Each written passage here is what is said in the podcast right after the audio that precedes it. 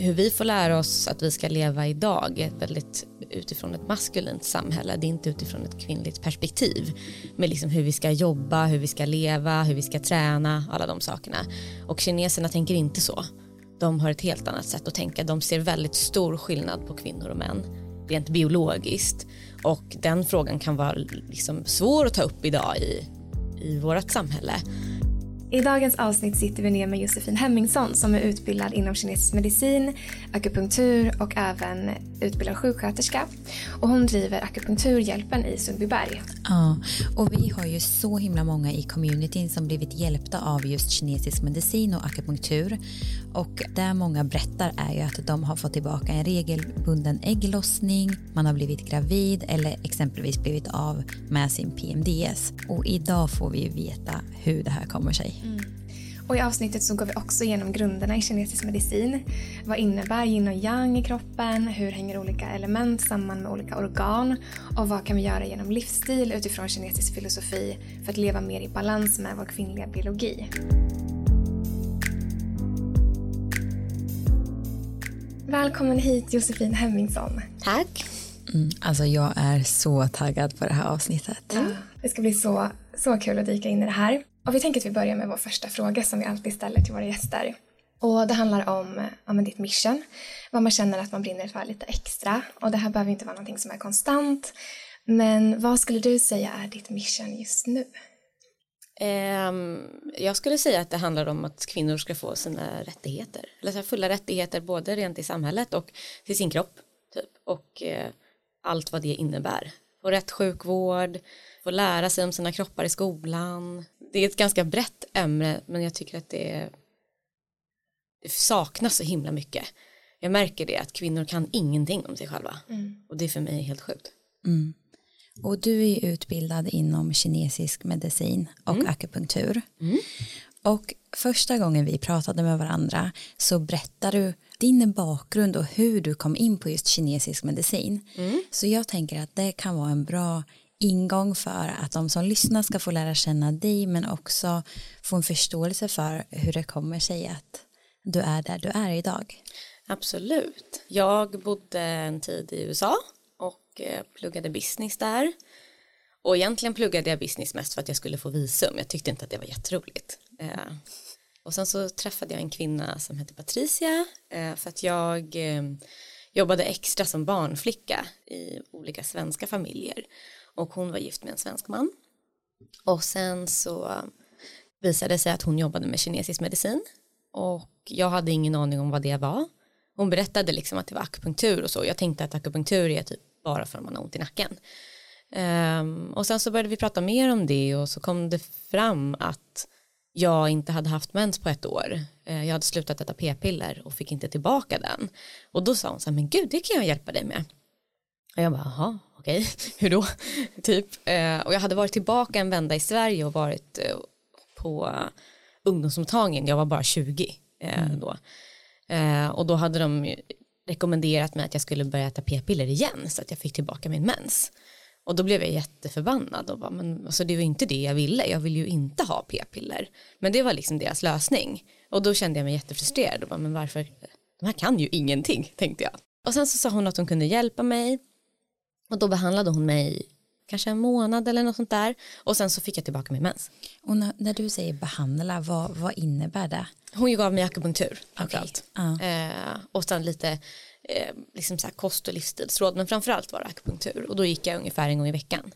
Och sen fick jag tillbaka min mens. Och då var jag bara så här, jaha, okej. Okay. Hur kunde hon det här? Och hon pratade om kroppen på ett sätt som jag inte hade hört tidigare. Och då blev jag jätteintresserad och tänkte så här, men gud, jag, jag måste lära mig det här, varför har ingen berättat för mig att det här finns? Och då började jag läsa på jättemycket själv, liksom på sidan av mina andra studier.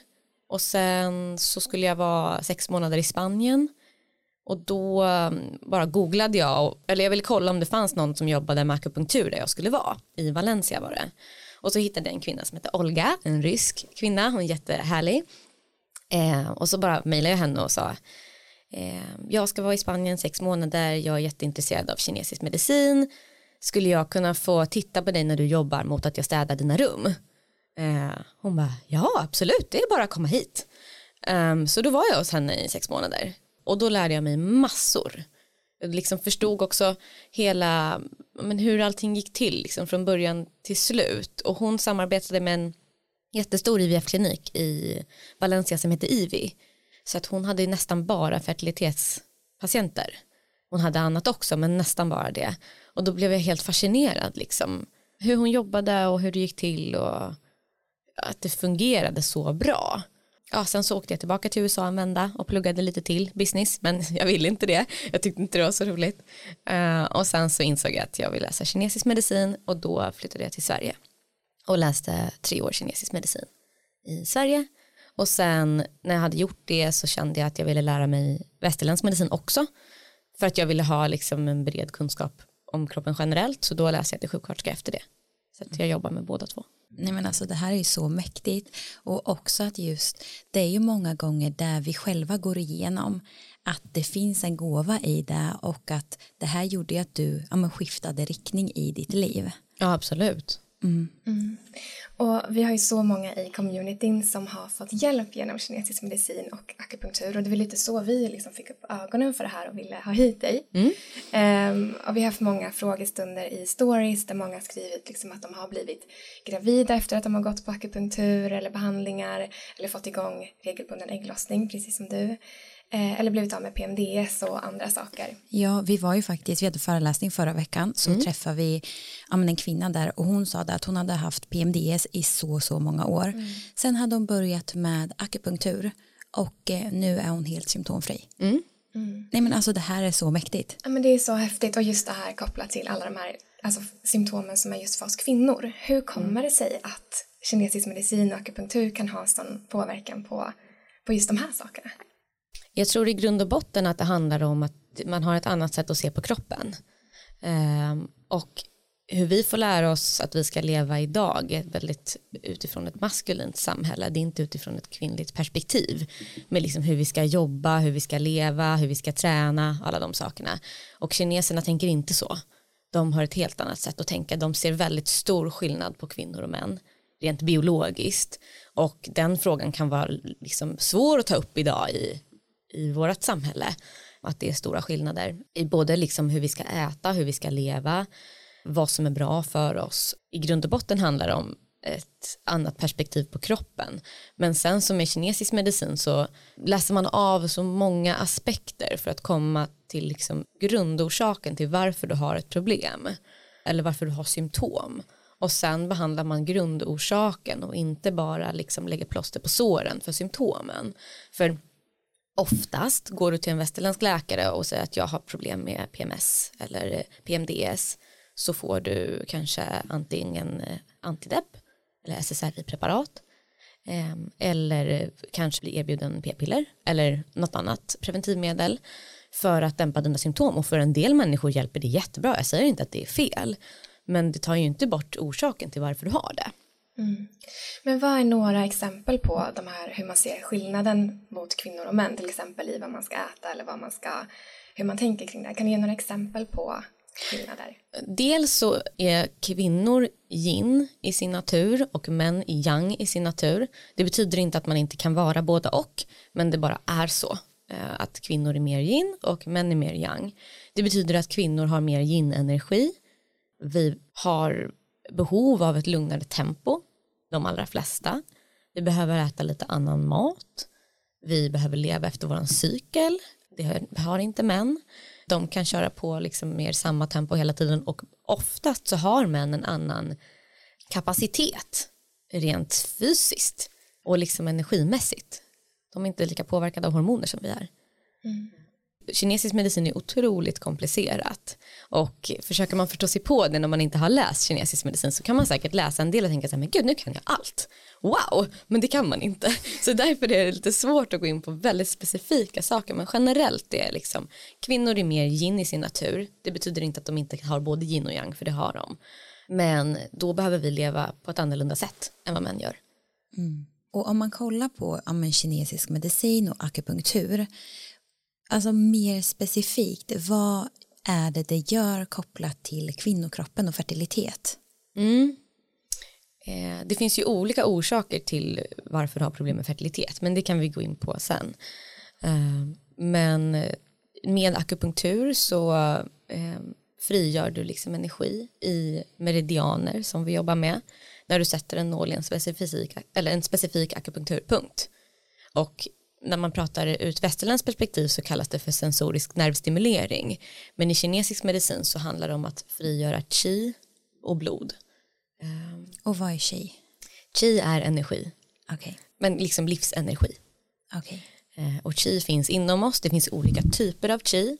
Det finns eh, qi som vi är födda med, som kallas för yuan qi. Det finns qi som eh, skyddar oss från yttre patogener, typ förkylningar eller sådana saker. Det finns olika qi i olika organ. Det finns känslomässig qi. Så det finns väldigt många olika typer av qi. Kan du ge exempel på några av de här organen och eh, olika qi? Ja, eh, som du tänker är viktiga för kvinnor framförallt. Ja. Ja, till exempel eh, eh, Eh, hjärtat är ett väldigt viktigt organ i kinesisk medicin. Och enligt kinesisk medicin så fokuserar man mer på hjärtat än vad man gör på hjärnan. Och i hjärtat så mm, finns det någonting som kallas för känn. Eh, det är liksom våran själ.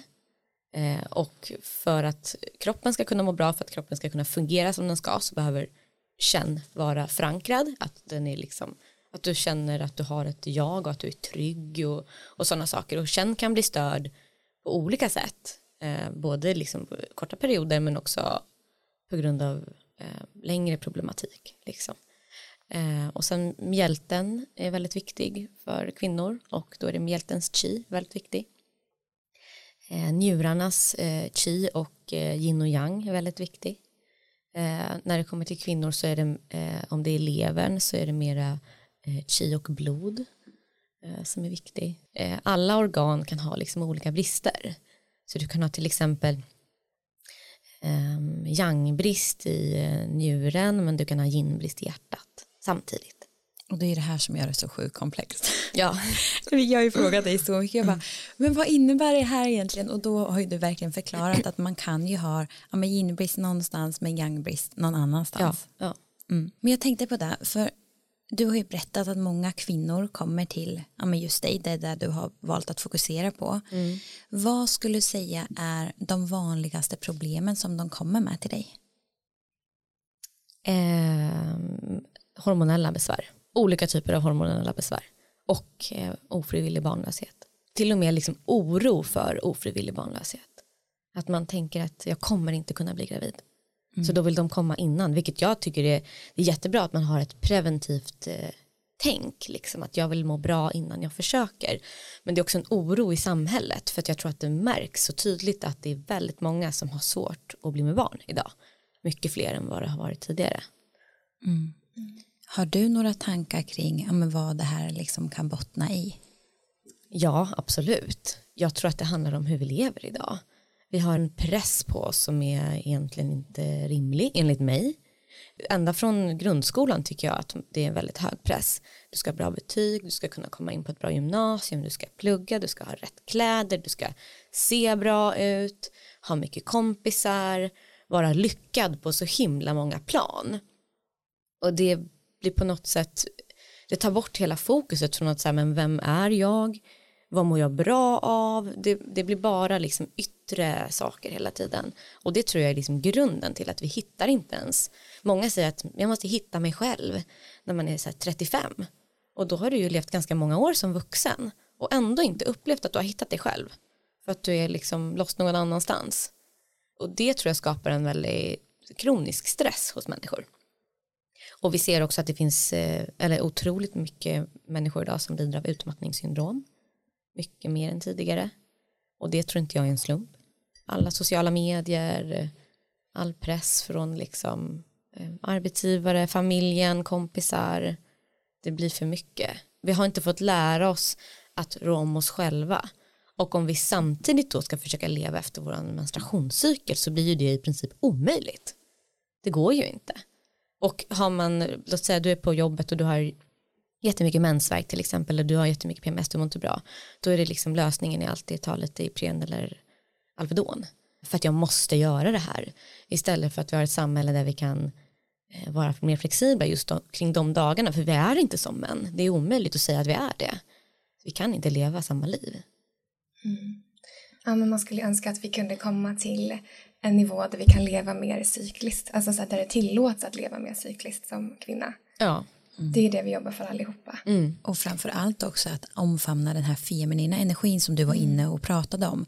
Att bli mer inkännande i kroppen mm. och att lyssna på vad är det egentligen min kropp säger. Men det är att vi har en så tydlig bild i vårt mind hur vi ska leva, vara, mm. äta. Så det gör ju att det blir någonstans en inre konflikt. Absolut, och det blir ju en konflikt i kroppen. Bara ta ett exempel och säg att du är din första dag på menstruationen då brukar kroppen vara ganska trött, hormonnivåerna sjunker, du har både lågt yin och lågt yang. Du skulle behöva vila, fylla på med värme, sova mycket. Men låt säga att du har eh, mycket på jobbet, så du går till jobbet och sen så ska du gå på en AV för att det är det alla gör och sen så dricker du alkohol och sen så är du trött dagen efter men sen dagen efter det så kanske du har en födelsedagsfest och då ska du gå på den så att det är liksom eh, och det säger jag inte, det är inte, ro, alltså det är inte att det inte är roligt och jag förstår att man kan ta de besluten ibland men man måste också vara medveten om att nu när min kropp går igenom de här sakerna så kanske jag måste agera annorlunda för att inte få problem. Mm. Mm. Om vi säger att jag skulle komma till dig som klient, mm. eh, vilka aspekter tittar du på då? Eh, många. Ah. Jättemånga. uh, dels så pratar jag mycket eller frågar mycket. Det är en väldigt lång utfrågning om hur du lever ditt liv. Uh, vad har du för besvär? Hur fungerar du mentalt? Har du liksom jobbiga tankar eller deppiga perioder? Eller vilken känsla är det som präglar dig mest? En del är väldigt arga av sig, en del är väldigt ledsna. Mycket ångest kanske, olika saker. Uh, hur fungerar magen? Kan du gå på toaletten varje dag?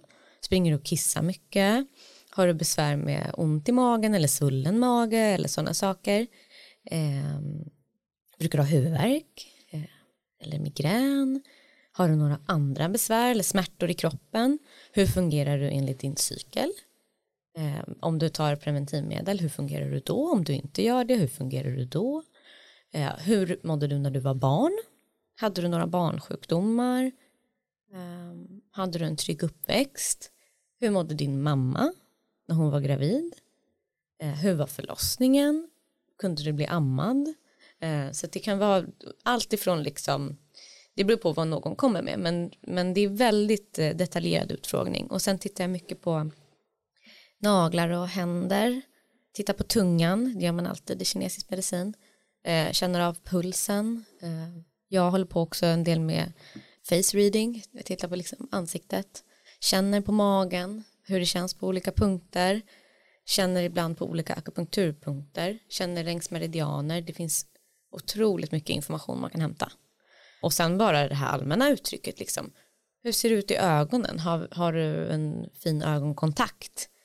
Eh, hur ser det ut i kroppen? Är du underviktig, överviktig? Hur ser din hy ut? Hur ser ditt hår ut? Det är liksom man hämtar all information för all information är viktig.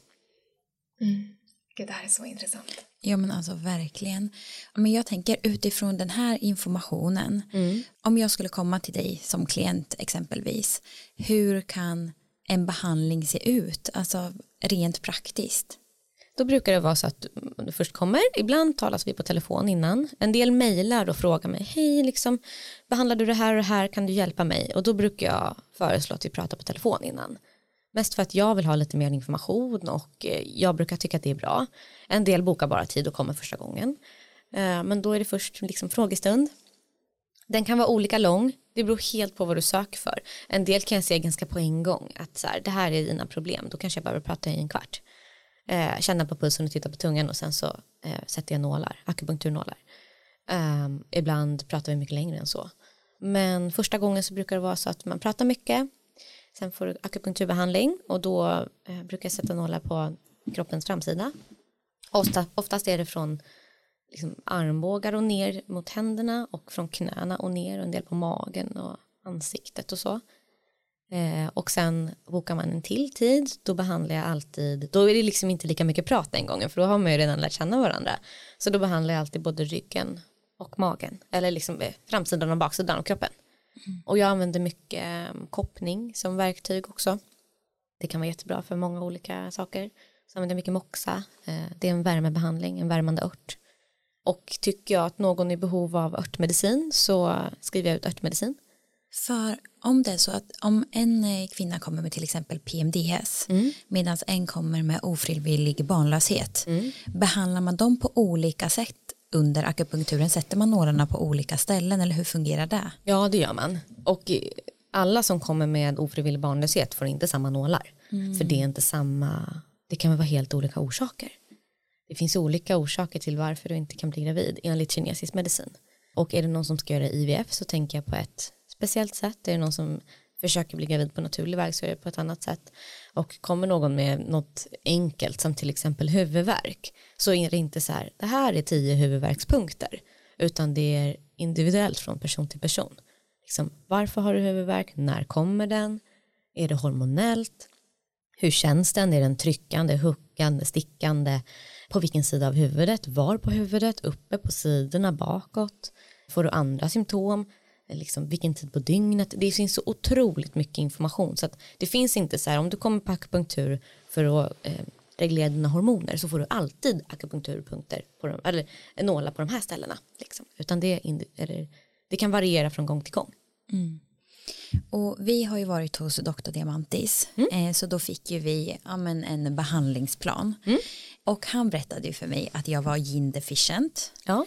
Som jag har förstått det så kan många med liknande bakgrund som jag har att ja, men jag har ju haft utebliven ägglossning och mens mm. men också att jag har tränat ganska hårt och mycket i mm. förhållande till vad jag har fått i mig men också att jag har varit mycket i det här görandet, prestation. Mm. Jag vet att många i vårt community delar samma resa som mig. Mm. Kan inte du berätta lite mer ja, kring det här? Att vara, eh, ha ginbrist. Exakt. Dels kan du ju ha liksom generell ginbrist. Om man ska säga på ett enkelt sätt att du har lite för lite substans i kroppen. Du kanske är lite tunn eller lite liksom smal. Kanske äter lite för lite. Personer som har ginbrist kan ha lite problem med hetta i kroppen. Det kan vara i form av eh, att man eh, har svårt att kontrollera sitt humör eller svårt att varva ner på kvällarna. Tankarna snurrar massor. Eller att man svettas mycket under armarna. Eller, det finns många olika typer. Det finns både liksom hetta som är på grund av att du har för lite yin och sen finns det hetta som är på grund av att du har för mycket yang. Allting kan vara relativt. Liksom. Mm. Men eh, om du har en generell yinbrist så brukar det vara så att man har mycket hetta symptom. Sen kan det vara så att du har ginbrist bara i vissa organ. Och jag skulle säga att har man en historia av att ha utebliven mens och sådär så har man både gin och blodbrist oftast.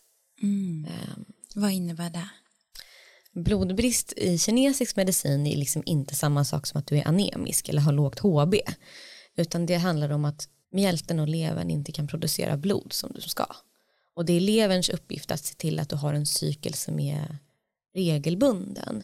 Och det är mjältens uppgift att se till att du har ett näringsrikt blod.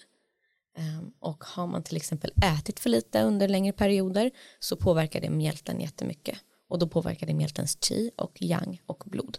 Mm. Och det som talade till mig så starkt var när du berättade det här att ja, men med din bakgrund så kan det ju vara så att du har yin ja, men brist mm. men också att du har använt för mycket av din yang-energi. Ja. ja.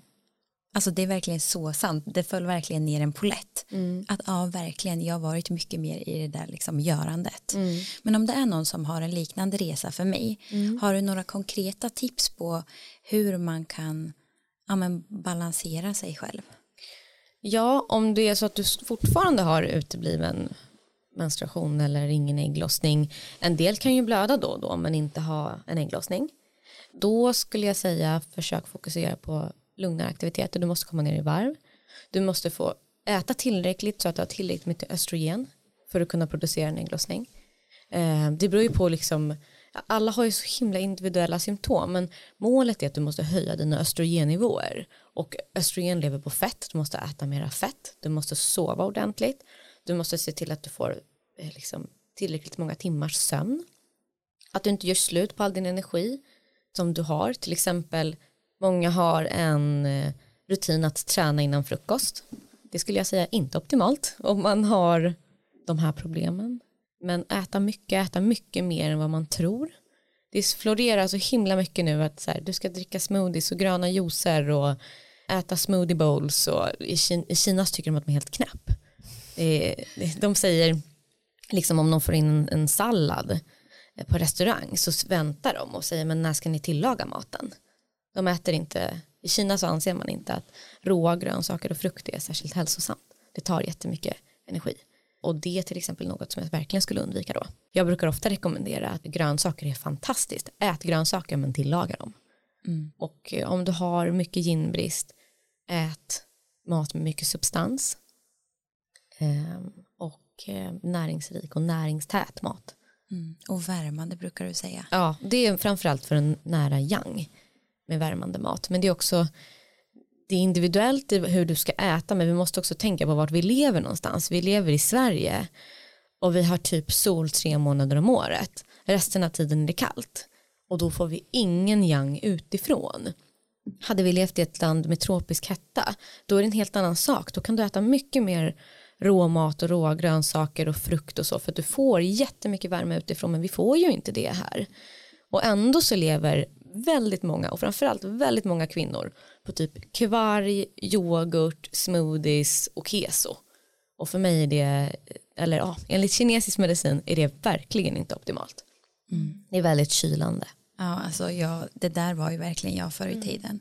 Så egentligen takeaways om man har en liknande bakgrund som mig är att om man ett börjar prioritera liksom återhämtning, se över din träning mm. men också mycket värmande mat men också dricka, att inte ja, men dricka kalla saker. Nej, precis. Mm. Um, ja. Mm. Och också just det, det, det kommer jag ihåg att du har pratat om, det här med att ta på dig tillräckligt. Ja. När vi pratade i telefon bara, jag så att det inte är någon glipa där mellan strumpan och tightsen. Jag bara, jag bara ups. Och ja. sen bara, ja man har på sig vantar och mössor. Jag bara, ah. Ja, ja, absolut. Ja. För det är så här, även om jag har kommit långt i min läkningsprocess så tror jag ju fortfarande, jag kan ju se de symptomen att jag behöver ju fortfarande det här. Mm för att bli ännu mer i balans. Mm. Ja men absolut. Och det har egentligen med, mer att göra med att eh, nära om din yang. Att inte bli av med värme. För att i Kina så anser man att så fort du har huden blottad mot kyla så tappar du yang och du tappar mm. energi. Och skulle man tänka ur ett vanligt så här, västerländskt perspektiv så finns det ju något som kallas för homeostas. Kroppen måste vara i homeostas hela tiden för att kunna liksom överleva, eller strävar i alla fall efter det. Att ha ett normalt pH-värde och att eh, ha en normal kroppstemperatur så att vi inte får feber liksom, eller blir för sura eller för basiska. Och om vi då går ut i 10 minusgrader med kjol och strumpbyxor då blir ju benen väldigt kalla. Det är oundvikligt. Men det är inte så att du förfryser benen bara för att du är ute en timme utan kroppen kämpar hela tiden för att den vävnaden ska få tillräckligt med liksom blod och värme för att kunna överleva och inte förfrysa. Och bara rent generellt då så tar ju det väldigt mycket cell-ATP det tar jättemycket energi. Mm. Så att jag försöker alltid vara noga med att man ska värna om sin energi. Och i kinesisk medicin pratar man om att inte blotta huden för kyla. Det är liksom grundregler och framförallt om du är kvinna. Och att ha den här glipan mellan strumpan och byxorna som majoriteten av alla har idag. Då tycker kineserna, det finns en punkt precis bredvid inre malleolen, eller vid fotknölen där som är en jätteviktig punkt på njurens meridian och som också är jätteviktig för kvinnlig fertilitet. Så då kan de säga, kineser är roliga, de kan säga så här, ja men eh, eh den här kvinnan vill inte få barn. om, om man går runt sådär. Och, det, och jag tycker det är på ett sätt, jag älskar deras kultur och hur de pratar för det är ingen dömande del i det. Utan det är så här, men om du klär dig sådär då får du de här konsekvenserna. Ja. Och det är väldigt olikt eh, från hur västerlänningar tänker. Många går ut i liksom alldeles för lite kläder och aldrig mössa och aldrig vantar och ingen halsduk mm. och eh, sådär. Så det är, det är liksom de har ett mycket tydligare och rakare kommunikationssätt. Mm, och det, vi har ju aldrig fått kunskap om det här. Nej men exakt, att här mm. har det ju varit mycket mer fokus på att så här, men vad är snyggt, ja, men nu, nu det ska vara mm. så här, man ska ha en sån jacka eller man ska ha de här byxorna eller vad det mm. är liksom. Mm. Eh, och ingen har liksom pratat om de här andra aspekterna. Nej, och jag tvingar alla mina patienter att klä på sig och det, de tjatar på mig hela tiden. Men jag orkar inte ha långkalsonger eller jag orkar inte ha de här byxorna. Jag säger jo, du måste liksom. Ja. Det är inte bra att frysa och jag tror att de flesta när de väl får in det som rutin att man klär på sig ordentligt då märker man att man mår mycket bättre. Och många som sitter på kontor säger alltid att de fryser så mycket och sådär. Att det är kallt och man är kall om fingrarna och så. Men då säger man ta på dig varmare kläder, ta med dig en vetekudde, ha en värmefilt. Liksom det är små saker i vardagen som gör väldigt stor skillnad och framförallt för kvinnor och om man har problem med smärtsam menstruation. För det är oftast på grund av kyla problem. Ja, men det här är så spännande. Min mamma kommer bli så glad när hon hör det här avsnittet. Hon tycker att du ska klä på dig. Ja, hon, alltså varje vinter får jag nya strumpor och så här sulor till skorna. Ja, men det är bra. Halsdukar. Men, men man ser ju, vi klär ju på våra barn jättemycket. Mm. De ska ha halskragar och mössor och vantar och allting men oss själva bryr vi oss inte om. Ehm, Ja, men du nämnde det här, jag vill bara toucha vid det. Att har man till exempel ja, men smärtsam mens så kan det vara kopplat till, vad sa du då, att Kyla, Ja. oftast är det kyla. Det kan vara blodstagnation också. Eh, men oftast är det på grund av kyla i livmodern säger man. Det betyder inte liksom att om vi skulle operera och öppna upp dig att din livmoder är iskall. Eh, rent sådär. Men det är uttryck i kinesisk medicin. Och har man eh, mycket kyla och kylaproblematik då får man oftast eh, smärtsam menstruation. I dagens avsnitt vill vi tacka vår magiska sponsor Unika Superfoods. Ja, vi är så glada för det här samarbetet och för er som aldrig har talat om Inika så är det ett nytt svenskt holistiskt brand som precis som Women's Inc är grundat av kvinnor. Mm. Och anledningen till att vi älskar Unika är ju för att deras produkter är gjorda på naturliga ingredienser och att de är helt fria från tillsatser. Mm, det här är så viktigt för oss. Och vi satt ju precis och tog en kopp chica roast och en bar. Och då kom ju vi in på det här att vi har ju under ja, ganska många år pratat om att vi längtat efter en bar som innehåller bra saker. Verkligen. För ibland är det ju så att man bara vill ha någonting snabbt och enkelt. Och det har ju verkligen inte varit lätt att hitta ett bra alternativ som har bra innehåll. Nej, alltså det har typ inte funnits innan. Nej. Och Inika har tre smaker på sina bars. Så om du älskar kokos och choklad så kommer du älska deras coconut chocolate bar som bland annat innehåller kokos, kakao, MCT-olja och cikoria. Mm, alltså den är underbar. Och deras almond chocolate bar är också helt otrolig om det är så att du älskar choklad. Och när det kommer till smaker, jag går alltid till choklad. Jag skulle säga att den här är perfekt för mig när jag kan få ett sötsug i fas 3. Mm, oslagbar. och den tredje smaken är blueberry cashew. Och jag brukar egentligen inte vara så jättemycket för bär och frukt i bars. Men den här är verkligen supergod. Och det är underbart att få i sig lite extra antioxidanter i kombination med cashewnötter. Mm. Och jag skulle säga att den här smaken är ju den typiska fas 2-baren när man inte är lika sugen på sött eller något chokladigt som man kanske är i början av fas 1 eller i fas 3. Mm, verkligen sant. Och utöver bars så har de också flera andra produkter. Så kolla in deras sortiment på deras Instagram eller hemsida. Och uppge koden WomenSync20 med stora bokstäver så får du 20% på ett helt köp. Mm. Tack Inika Superfoods för ett underbart samarbete. Tack. Det är nytt år och vi är så glada att vi fortfarande har med oss Wearlab som en av våra sponsorer. Och det som verkligen känns så fint för vår del är ju att Wearlab står ju verkligen för det vi också gör i Women's Inc. Och nu har vi hunnit göra flera tester under åren som har gett oss vägledning när det kommer till att kunna utveckla vår hälsa. Ja, och eh, som ni vet vid det här laget så har ju jag gjort WELABs hälsokontroll i flera år och jag gjorde det långt innan det att de blev vår sponsor. Och med tanke på att jag har en bakgrund där jag haft obalanserade hormoner så har det varit väldigt viktigt för mig att ta prover för att svart på vitt kunna se status på hormoner, sköldkörtel, blodsocker, inflammation och eventuella näringsbrister. Mm. Och man får ju verkligen grundläggande koll på sin hälsa genom Wearlabs. Mm. Och det som har varit så bra är att utifrån mina provsvar så har jag verkligen kunnat ta action på flera saker i min livsstil som jag annars inte hade fångat upp. Exempelvis har jag förändrat vilken typ av mat jag äter, vilka tillskott jag tar, men också hur mycket av dem som jag faktiskt tar. Mm, exakt. Och det är det här som är så magiskt med Wearlabs, att man kan göra konkreta förändringar utifrån de här provsvaren. Och nu är det ju nytt år och då är det ju faktiskt ett väldigt bra tillfälle att investera i sin hälsa på riktigt och ta reda på vad just du behöver. Mm.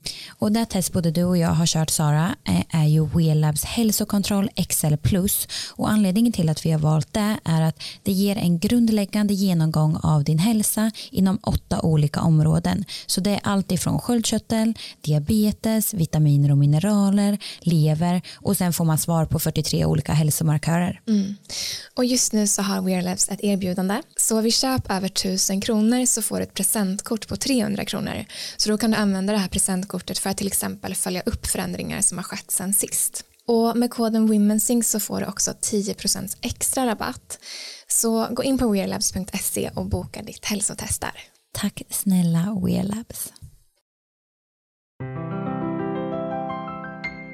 Jag tänker att vi tar ett till case utifrån eh, min erfarenhet som också många i communityn känner igen sig i. Mm. Eh, när vi pratade med Dr. Diamantis då, så eh, pratade vi om ja, men mina symptom kommer mer till uttryck i IBS mm. och eh, ja, men att jag kan märka av på hur min menscykel blir i form av vilka PMS-symptom jag får och sådär från mm. månad till månad. Och då pratade han om att min eh, problematik, eller vad man ska säga, kallas för stagnation. Ja, du har mer chi-stagnation då. Vad innebär det här? Det betyder att chi inte kan flöda som det ska i meridianerna. Och IBS, det är oftast en kombination av mjält chi-brist och lever chi-stagnation. Då får man oftast de problemen. Mm. Och hur det hänger ihop är jätte eller svårt att förklara. Men har du problem med mjält chi-brist så brukar du oftast ha besvär med väldigt svullen mage, kanske eh, mycket ont i magen, eh, springa på toa hela tiden eller inte kunna gå på toaletten alls. Mycket att man kan ha det som kommer ut är liksom inte eh, smält ordentligt, att man tycker att det kommer ut mat som ser ut som att den bara är tuggad ungefär. Um, och sen brukar det oftast vara en kombination med att man har mycket PMS-besvär. Um, ehm, kanske blir arg lätt innan sin menstruation och så. Um, svårt att sova ibland att man uh, har svårt att varva ner på kvällarna. Att huvudet bara liksom snurrar och snurrar och snurrar. Sådär. Um, det, är några symptom som kan hänga ihop med det. Ja, ja men precis. Jag nickar instämmande på vissa av dem. Till exempel det här med tankar som snurrar på kvällen och ja. sådana saker. Ja. Men vad, eh, vad gör man då om man har de här eh, symptomen och att det då är liksom stagnationsrelaterat? Vad kan man göra och vad gör du som behandling? Dels så ger jag akupunkturbehandling Mm. Och sen brukar jag ge lite kost och livsstilsråd. Bland annat att försöka äta regelbundet, äta varm mat, undvika allt som är kallt. Det mm. innebär också eh, frukt, sådana saker som man kanske älskar. Man kanske äter liksom fyra äpplen om dagen, men det är inte optimalt om man har problem med mag-tarmbesvär. Eh, och dricka varmt. Okej, eh. så varm mat här också. Mm. Och tillagad. Ja. Och helst liksom kokt. Eller omkokt. Ah, okay. Eh, helst inte stekt. Men stekt mat är bättre än råmat. Mm. Ja men det är jättebra tips. Mm. Men det är också, jag tycker att allting handlar om balans. Det betyder inte, bara för att jag säger att ni ska inte äta si och så, att det betyder inte att man måste leva slaviskt efter det, för det blir också en stress i sig. Mm. Men det handlar om ett tankesätt och få in nya rutiner. Liksom att eh, man tänker så här, nu äter jag så här av den här orsaken. Så då kan jag göra det, de medvetna valen. Sen kanske man går ut på en middag någon gång eller man är sugen på en sallad en gång. Okej, okay, men ät det då. Men då är du medveten om vad det kanske får för konsekvenser. Det betyder inte att du har förstört allting. Liksom. Jag tycker inte att liksom försöka leva för att man ska ha en optimal hälsa behöver inte betyda att du ska följa vissa regler. Liksom. Mm. Utan det handlar om ett tankesätt om kroppen. Och jag tror det där är så viktigt att det kan ju vara att man börjar att byta ut ett mål mm. till något mer värmande för att kollar jag på hur jag levde förr i tiden då var det kallt på kallt på kallt på kallt. Mm. Det var liksom kallt vatten eller dricka till frukosten och då kanske det var en smoothie och sen lunchen var någon sallad och sen så på kvällen så alltså det är inte bara sallad men det var fortfarande jag har ju alltid älskat att äta kall mat. Mm. Men också bara se skillnaden att byta till exempel lunchen och middagen till mm. någonting mer värmande och livsmedel som har egenskaper som är mer värmande så ger ju verkligen det effekt. Eller till exempel att om det är någon som bara, men jag vill verkligen äta det här, okej men kan jag dricka en kopp te eller någonting till så att det inte ja, blir det här precis. kyla på kyla på mm. kyla. På det sättet kan du ju kompensera. Mm. Eller med värmande örter till exempel, ingefära är väldigt värmande, det kan nästan vara hett. Så att då kan man kompensera med det till exempel. Mm. Och grejen är, för det, det sa du och det var ju ändå bra till exempel att ja, men som jag, jag brinner ju för turkisk yoghurt på morgonen mm. och sen så har jag testat byta ut till typ hirschgröt och lite så men jag känner mig liksom inte lika tillfredsställd sen kan jag ibland jobba omelett och så mm. men det du sa var då att ja, men om du till exempel äter turkisk yoghurt ja men ett alternativ kan ju vara att ha värmande kryddor på mm. till exempel som ceylonkanel och kardemumma mm. som värmer upp så man kan ju också jobba med de delarna Absolut, gud ja. Och sen brukar jag, eh, jag brukar rekommendera en frukost som jag kallar för Josefins specialpannkakor. Wow, låt oss höra. um, och då är det eh, ägg, um, mosad banan och sen gör du ett mjöl på um, chiafrön, linfrön, pumpafrön och solrosfrön och havregryn och mixar det så att det blir som ett fint fint mjöl. Och sen använder du det och sen så steker du pannkakorna. Och då dels blir de väldigt fluffiga som typ amerikanska pannkakor för att du använder chiafrön och linfrön så sväller de. Eh, sen kan du hälla i mjölk också så att det blir en smet liksom och steker det. Dels för att jag brukar ofta rekommendera kvinnor att använda det kallas eh, någonting som heter seed cycling. Jag vet inte om ni har hört talas mm. om det. Man äter vissa fröer i, i liksom olika delar av eh, både i, i follikulära fasen och lutealfasen för att optimera sina hormonnivåer. Så jag brukar liksom tvinga att försök att få i dig de här fröna och då tycker folk att det är svårt och då brukar jag säga men gör de här pannkakorna då får du i dig dem. Mm. Och jag vill helst att de ska vara mixade så att du får ut alla oljor av fetterna. Så att det brukar vara en jättebra frukost som man står sig på länge och då är det inte någonting som innehåller något vitt vetemjöl utan mjölet är gjort på liksom fröer och det blir väldigt eh, näringstätt. Mm. Eh, så det kan man prova om man är trött på gröt. Väldigt många som jag träffar har förätit sig på gröt och vill inte äta gröt mer. Och då brukar jag rekommendera det och sen kan man väl ha valfri tillbehör till det. Liksom. Mm. Men, det här är också varmt. Det är det. det är varmt. Jag älskar varm frukost men det är så, jag tycker att det är så svårt att göra någonting som är enkelt och ja. gott. Men bananpannkakor är ju verkligen enkelt. Ja. Eh, och väldigt, väldigt gott. Ja, och jag brukar ibland lägga i spenat. Man kan lägga i krossad spenat. Om du har olika örter som du har på, um, i pulverform kan du lägga i dem. Eh, om du har andra tillskott kan du lägga i det. Det finns otroligt många sätt att modifiera det på. Men det blir både proteinrikt och rikt på fett. Mm. Det kan vara en ganska bra start på dagen. Ja. Eh, så det brukar jag rekommendera. Mm. Och nu har vi varit inne lite på näring. Mm. Så jag tänkte om vi ska djupdyka lite extra i det. Om man kollar på vad finns det för filosofi när det kommer till just näring och kinesisk medicin? Generellt så eh, finns det liksom riktlinjer att man ska äta enligt säsonger. Kineser tycker också, nu säger jag kineser för att det här är liksom, det är självklart inte alla i Kina som lever på det här viset. Men enligt den traditionella medicinen så så säger de så här att ehm, äta ris tycker de är jättebra. Det har en neutral karaktär. I kinesisk medicin så delar man upp maten i olika karaktärer. Om det är kylande eller värmande eller het mat. Om den är uttorkande eller slembildande eller fuktgivande. Och då delar man in alla råvaror och delar in alla liksom, kryddor, alla örter. Så att allting är av olika karaktär. Och målet är ju, du får utgå ifrån dig själv liksom. Hur mår jag? Har jag väldigt eh, mycket problem med torka till exempel, att jag kanske alltid är hård i magen eller torr hud, torra naglar, torrt hår, torra läppar. Då behöver du äta mat som mer, ger mera fukt. Och det kan vara till exempel eh, banan är väldigt fuktgivande, mejeriprodukter är väldigt fuktgivande, till exempel. Kan man se något mönster att om man exempelvis har mycket PMS-symptom mm. Är det kopplat till någonting där också? Alltså PMS kan vara av olika orsaker. Oftast är PMS och emotionella besvär innan menstruation är lever stagnation Men det kan också vara, om man pratar om hormoner så kan det också vara att man har lite östrogendominans. Eh, så då vill du höja eh, progesteron och i kinesisk medicin så är det när du är i lutealfasen så vill du höja njurarnas yang och kroppens yang. Så då kan man tänka att man vill äta mat som är mer av yang-karaktär.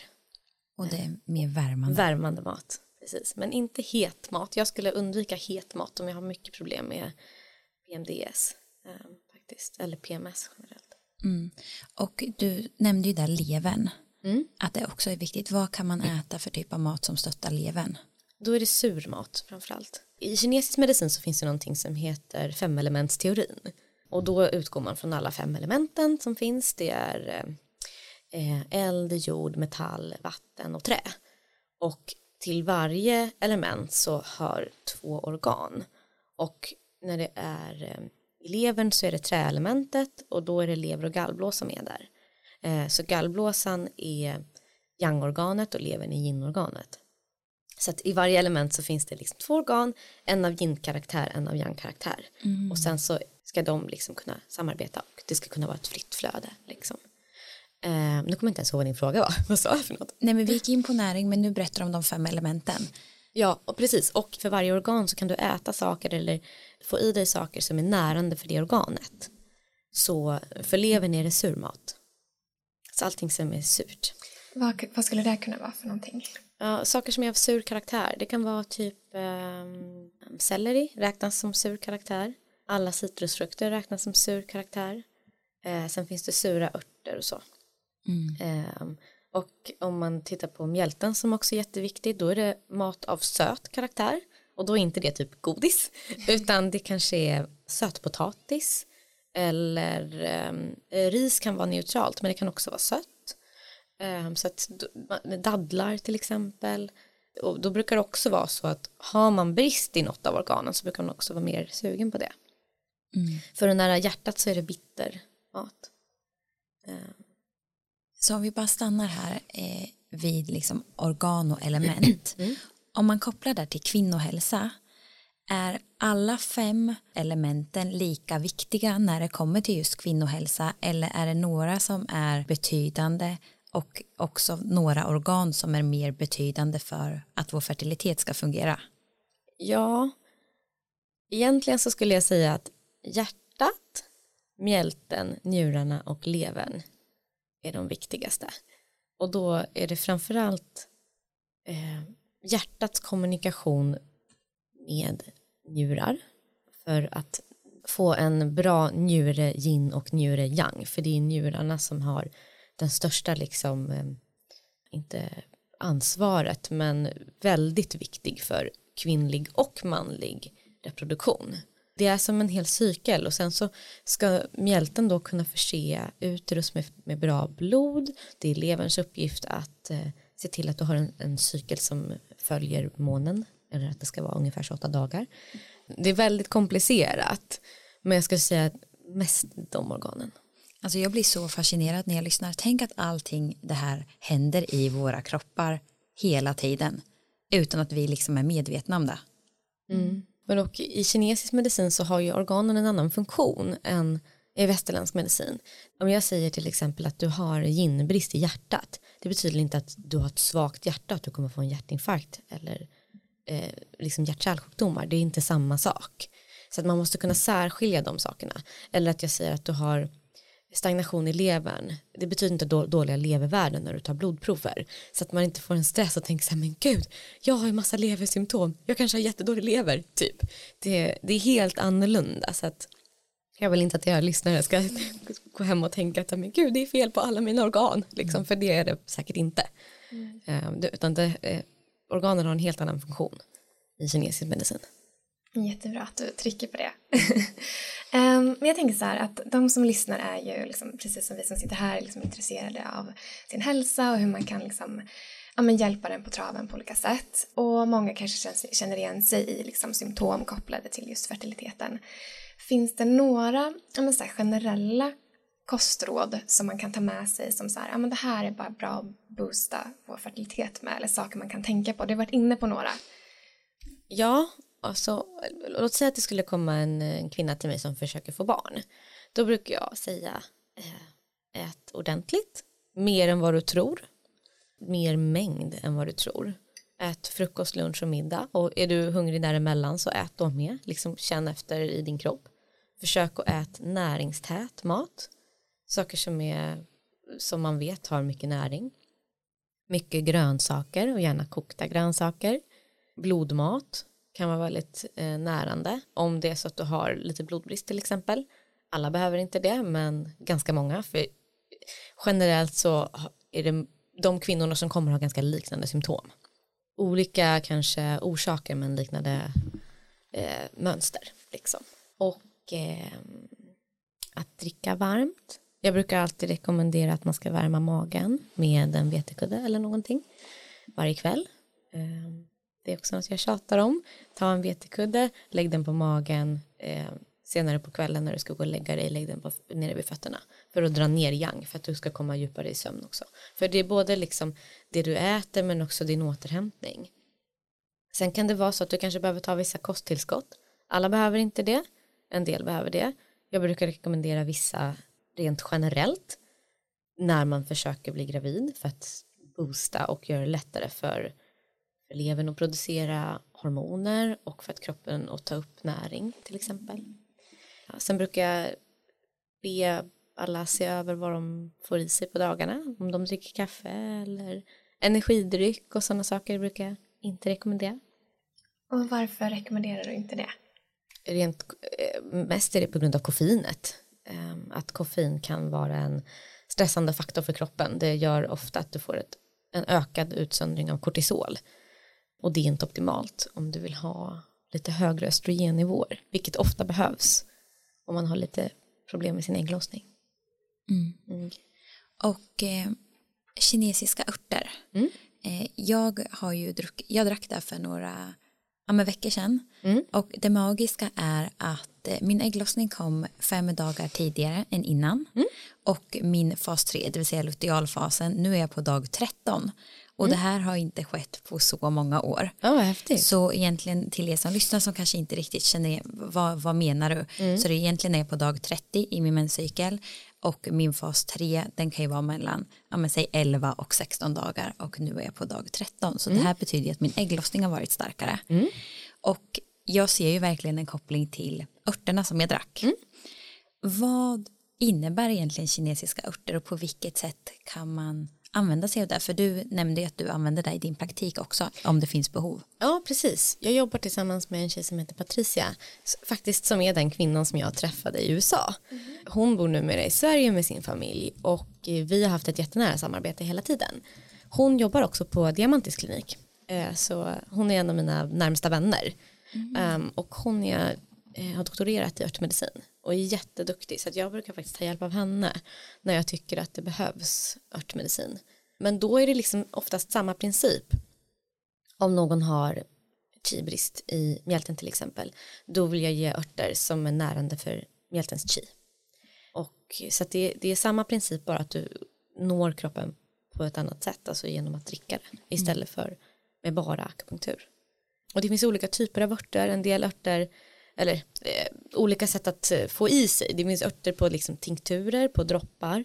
Det finns örter som du bara blandar med vatten eh, som är granuler. Det finns örter som, som är råa som du kokar själv.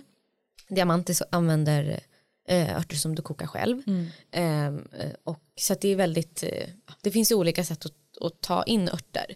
Eh, och alla som jobbar med kinesisk medicin jobbar olika. En del skriver ut örter till alla. Jag gör inte det för jag tycker oftast inte att det behövs. Jag skriver ut det om jag tycker att det behövs. Ehm, så det är väldigt, ehm, det är lika brett som akupunktur liksom. Mm. Vad, vad är det för typ av örter? Alltså det... örter känns ju som ett så brett begrepp. Liksom. Ja det är det. Eh, det är oftast rötter eller blommor. Eh, och så. Men så för mig, för mig och Sara som har två helt, såklart två helt olika ja, men, obalanser. Mer stagnation och jag var mer i yin mm. men också förmodligen lite yang-brist också i olika organ. Förmo Sara får ju andra örter än mig då. Absolut. Mm. Ja. Mm. Absolut. Och eh, de flesta som jobbar med örtmedicin gör sina egna recept. Eh, så att det är väldigt specificerat till din kropp. Okay. Det är inte så att min sambo är så rolig hemma. Så fort jag tar hem någonting hem och kokar lite örter, han bara, kan jag ta det här? Liksom. Och jag säger, nej, nej, nej, det är inte till dig. Liksom. Det funkar inte så. Han bara, men jag vill också ha. Liksom. Men det funkar inte så. Att du, man kan inte dela örter med varandra. Det är som att ta någon annans läkemedel. Mm. Liksom.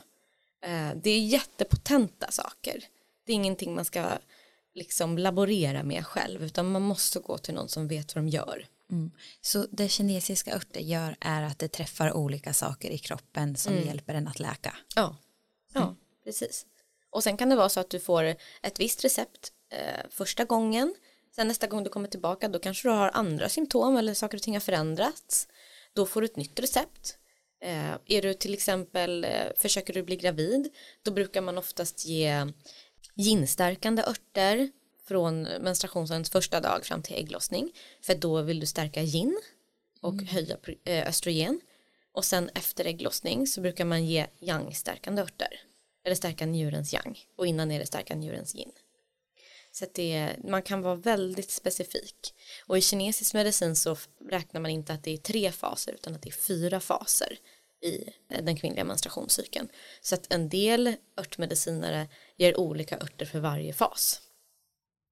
Så att det är väldigt eh, specificerat. Liksom. Men man ska ha väldigt stor respekt för örtmedicin. Mm. Det är ingenting som man bara ska så här, ta lite av det här. Liksom. Nej, och där, utifrån det du säger nu, det gör det så kraftfullt för just att vi är cykliska.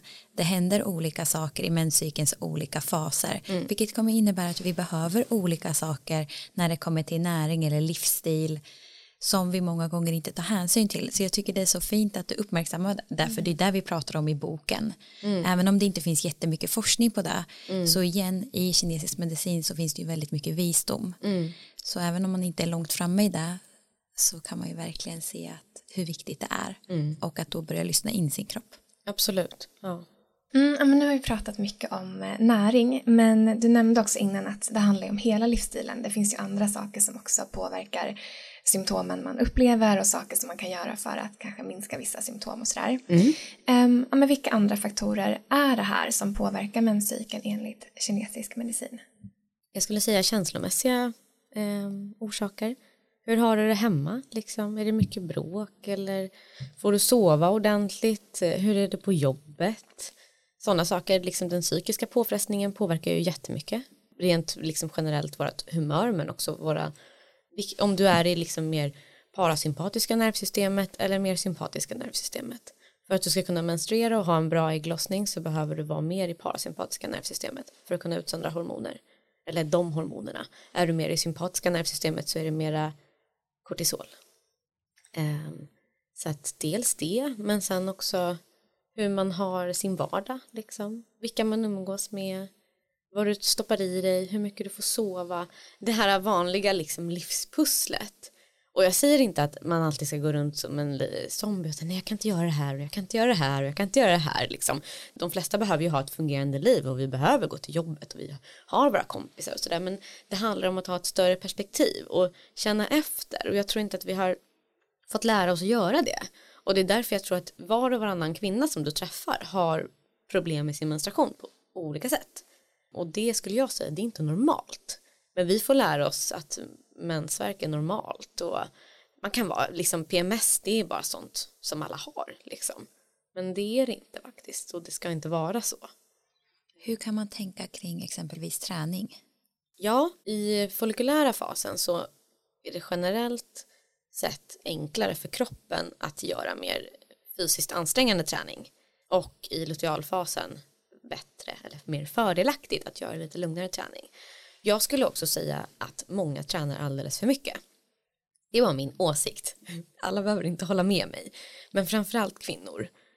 Jag har jättemånga kvinnor som kommer till mig som tränar liksom fem, sex dagar i veckan och tycker det är jätteroligt och kanske går en powerwalk eller går ut och springer så i vissa dagar kanske de till och med tränar två dagar i veckan och eh, det är ju nästan att leva som en elitidrottare. Min sambo är elitidrottare, det är så han tränar. Och då resterande tiden så vilar han. Men det gör ju inte de här kvinnorna, utan de då jobbar heltid. Och tränar, och umgås med vänner, och gör det här, och gör det här, och samtidigt försöker få barn. Då brukar jag försöka liksom att man ska få lite perspektiv på att du måste ha en längre återhämtningstid om du ska träna på det här viset. Du måste kanske äta mer liksom. Men det har blivit så himla trendigt att alla ska träna hela tiden. Och träning är fantastiskt. Det gör så mycket positiva saker med kroppen så jag säger inte att vi inte ska träna men kanske med lite mera måtta. Och beroende på vad du vill i livet. Om du nu är på liksom den banan att du vill skaffa barn och försöker med det och det kanske inte går då kanske du ska lägga ner din träning ett tag. Och då brukar jag säga men okej klarar du att inte träna? Nej, nej, nej, det går inte för då tänker jag på det här och det här och det här. Okej, men varför tänker du på det då? Liksom, varför kommer de tankarna upp då? Då kanske det är någonting annan det kanske är en helt annan orsak till att du behöver bli så slut i kroppen för att kunna slappna av mentalt och då är det någonting annat du behöver jobba med. Men jag brukar också säga att du kanske kan ta några månader nu att inte träna. Mm. Gå på promenader, gå på yoga, sånt som är mer lugnt för kroppen, inte så fysiskt ansträngande. Och många är så här, men det kommer aldrig gå. Men jag försöker liksom ge lite perspektiv att, men om du gör det här i sex månader, låt säga att du är 30 år, du kanske har tränat 5-6 dagar i veckan sedan du var 20. Och om du då vilar i sex månader, det är inte särskilt mycket tid av ditt liv. Mm. Du kanske kan gå tillbaka till träningen sen på samma sätt som du gör nu och du tycker att det är jätteroligt. Men det kanske krävs att du behöver vila de här sex månaderna av ditt liv. Det är pyttelite tid. Men det är en, någonting som kan göra otroligt stora skillnader för kroppen. Mm. Mm. Jag tycker det är så intressant att du går in på det här för det här är någonting som faktiskt flera av våra experter har pratat om att de har sett exakt samma mönster mm. och vilken skillnad det kan göra när mm. man ja, men lugn, tar det lite lugnare. Ja. Eh, Jenny Kos nämner bland annat det i, det avsnittet. Mm. Så det är så spännande att det liksom, de här mönstren syns på så många ställen men liksom helt eh, utan varandras liksom, inblandning. Att så här, du har sett det i din praktik och ja. annan har sett det i sin praktik. Så det är verkligen ett, eh, en insikt att ta med sig. Ja, men jag tror att det är för att vi, det vi har gemensamt är att vi läser kroppen på ett annat sätt. Um, och kanske går in mer specifikt för varje individ. Liksom. Mm. Och jag tror bara den medvetenheten som du säger att många kvinnor lever som elitidrottare. Mm. Man reflekterar nog inte över det själv men man gör det. Mm. Och som du säger samtidigt som man gör alla, alla andra de här sakerna. Mm. Och det blir att kroppen är i stress. Ja. Kroppen behöver ju tid för att komma ner. Mm. Men det finns ju också andra sätt att röra sin kropp som kanske inte är på det sättet man är van vid och det är klart att det är obehagligt till att börja med om man har tränat så sjukt länge eller som du säger att man dämpar symptomet genom att använda träningen på det sättet. Ja. Men hur det kan finnas andra eh, sätt att röra sig som blir mer gynnsamt och det kommer ju också kännas så mycket bättre i kroppen när man vågar göra det. Ja, för de flesta i alla fall. Jag har än så länge av alla kvinnor jag har träffat så är det ingen som har sagt att det har varit hemskt att sluta träna. Kanske typ första veckan.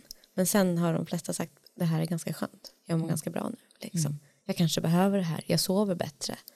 Jag äter på ett annat sätt. Eller mentalt känner jag mig annorlunda. Eller jag har mer energi och så. Mm. Precis som för människor som aldrig har tränat och börjar träna och säger så här, men gud jag mår mycket bättre, jag sover bättre och jag mår gladare och så det kan ha liksom samma effekt fast åt andra hållet. Men precis, och där får man ju utgå från sig själv. Vad har man för Absolut. bakgrund? Men som du och jag Sara är ju olika där. Att, ja, men för mig har det handlat om att kanske dra ner träningen och också vilket sätt rör jag mig på. Medan för dig har det handlat om att okej okay, jag behöver få in mer rörelse på mm. ett eller annat sätt. Mm. Så det är verkligen att man behöver se över sig själv och vilka symptom har man. Mm. Absolut. Och jag tänkte innan vi går in på avslutningen om du bara skulle sammanfatta, för vi har ju varit allting där vi har touchat vid idag har egentligen handlat om att men hur kan vi läka mm. när det kommer till liksom, mensrelaterade besvär, diagnoser. Men om du skulle sammanfatta eh, vilka förutsättningar är viktiga för att vi ska kunna läka? Ja, det är en jättesvår fråga. Jag skulle säga att det generellt handlar om medvetenhet i sin vardag. Att försöka hitta mindfulness vara medveten om så här, nu gör jag det här, varför gör jag det, varför tar jag de här besluten, eh, vem lever jag efter liksom, och vart försöker jag nå? Och på vilket sätt försöker jag nå dit. Låt säga att som vi pratar om kvinnor liksom, som försöker bli gravida, och som upplever det som en jättestressig eh, situation. Och kanske liksom springer och köper varenda test, köper varenda tablett man ska göra, lyssnar på alla, eh, går in på allas Instagram. Jag tycker Instagram är fantastiskt men det finns också väldigt mycket information där där man inte är källkritisk. Eh, och många tar åt sig av allt, liksom. det blir helt overwhelming. Du måste lära dig att sortera information och liksom göra lite mer medvetna val. Och jag tror att det generellt är jätteviktigt för hälsa. Det blir helt, vi blir liksom kokta i hjärnan annars. Det blir för mycket information som vi inte kan hantera och så tänker vi, men hon sa ju så, ja men han sa ju så, fast min doktor sa det här. Det är liksom, hur ska vi tänka då? Vi går inte in i oss själva och känner som, men vad känns rätt för mig? Eller vad har jag mått bra av? Eller vilken tid i livet mådde jag som bäst? Vad gjorde jag då? Mm. Ja, fantastiska sammanfattande, sammanfattande ord. Ja, men vi har kommit till våra avslutande frågor. Mm. Och eh, Den första frågan är om du hade ett livsmedel eller ingrediens eller mat som du inte skulle vilja vara utan, vad skulle det vara? Alltså, jag vet inte hur jag ska svara på den. Jag tycker den är jättesvår. Jag är själv ingen så här, jag är inte så fäst vid mat. Jag äter det som serveras tänkte jag säga. Men, men jag äter väldigt eh, varierat. Men jag skulle nog säga kanske grönsaker i så fall. Alla typer av grönsaker. Och liksom att försöka köpa säsongsbaserat. Det finns så mycket man kan göra med grönsaker. Väldigt näringsrikt. Eh, det är väldigt lätt att byta ut saker som kanske är mindre näringstätt mot olika typer av grönsaker. Det blir en jättebred, ett brett svar. Mm. Och om du fick tipsa om en bok, vilken skulle det vara? Ja, det är också en jättesvår fråga för att jag älskar eh, böcker i alla fall som handlar om det här. Men just nu läser jag en bok som heter Hormone Intelligence med, eh, som är skriven av en eh, amerikansk läkare. Hon är både läkare och, alltså västerländsk läkare och um, herbalist. Um, hon heter Aviva Rom. Den läser jag nu. Den är jättebra. Spännande, den vill vi läsa. Mm. Eh, och vad är din bästa go-to för återhämtning? Just nu så um, dricker jag mycket av ett te som heter Calm som är eh, min vän Patricia, hennes teer. Hon har ört, eller hon har um, teer som är gjorda på kinesisk örtmedicin. Den är jätteunderbar eh, om man vill komma ner i varv. Eh, den heter Serendipity. Eh, så den dricker jag nu. Men annars skulle jag säga vara i naturen. Typ. Komma ner i varv på det viset. Umgås med mina hundar och min familj. Fint. Och om du fick ge dig själv ett råd till ditt 16-åriga jag, vad skulle det vara? Oj, gud vad svårt. Jag kommer knappt ihåg vad jag gjorde när jag var 16. Eh, men någonting som har stärkt mig väldigt mycket som person det handlar inte ens om hormonhälsa men det är att lära sig eh, självförsvar självförsvar, kampsport. Det tycker jag de flesta unga tjejer borde lära sig faktiskt. Det gör att du blir medveten om din kropp på ett annat sätt, du får en annan inre styrka. Um, så det, och det håller jag på med själv väldigt mycket när det funkar i min cykel liksom. Um, min sambo är, uh, fighter uh, så vi tränar jättemycket MMA tillsammans och sådär det är jätteroligt. Och det tycker jag att 16-åriga kvinnor eller tjejer borde lära sig. Man får en helt annan liksom, självsäkerhet i livet. Det påverkar mycket mer än att det bara är en träningsform. Gud vad fint, vilket bra, vilket bra tips. Mm.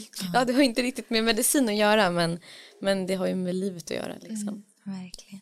Och alltså, det här samtalet har varit så fint och jag ser verkligen fram emot att dela det här med vår community för att jag känner att det finns så mycket hopp att jag vet att många går igenom utmanande saker och mm. man kanske känner sig frånkopplad sin kropp och man vet liksom inte, man har inte fått den hjälpen man behöver. Nej. Så därför känns det så viktigt och fint att vi kan förmedla den här kunskapen och att det finns andra vägar att gå om det är så att man känner att det kallar.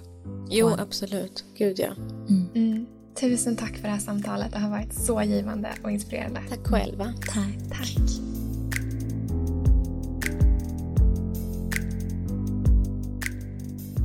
Vi vill bara passa på att lyfta vår nya produkt Chica Roast. Ja, det här är en så efterlängtad produkt för alla oss som vill minska på vårt koffeinintag och har letat efter ett alternativ till kaffe. Ja, för vi har ju faktiskt letat och letat efter ett alternativ som ja, skulle påminna om kaffe i smaken men som inte rubbar hormonerna och inte urlakar kroppen på viktiga näringsämnen.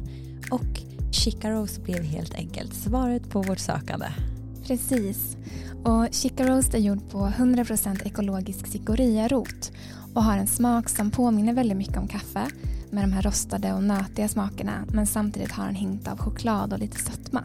Den är ja, men, så god och vi vet ju hur viktig ja, men, den första koppen kaffe är på morgonen för ja, men, många av er och ja, men, nu har vi äntligen hittat ett alternativ som toppar kaffe.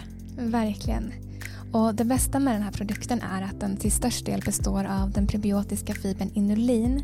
Och inulin kan ha en mängd positiva effekter för både matsmältning och även för blodsockret.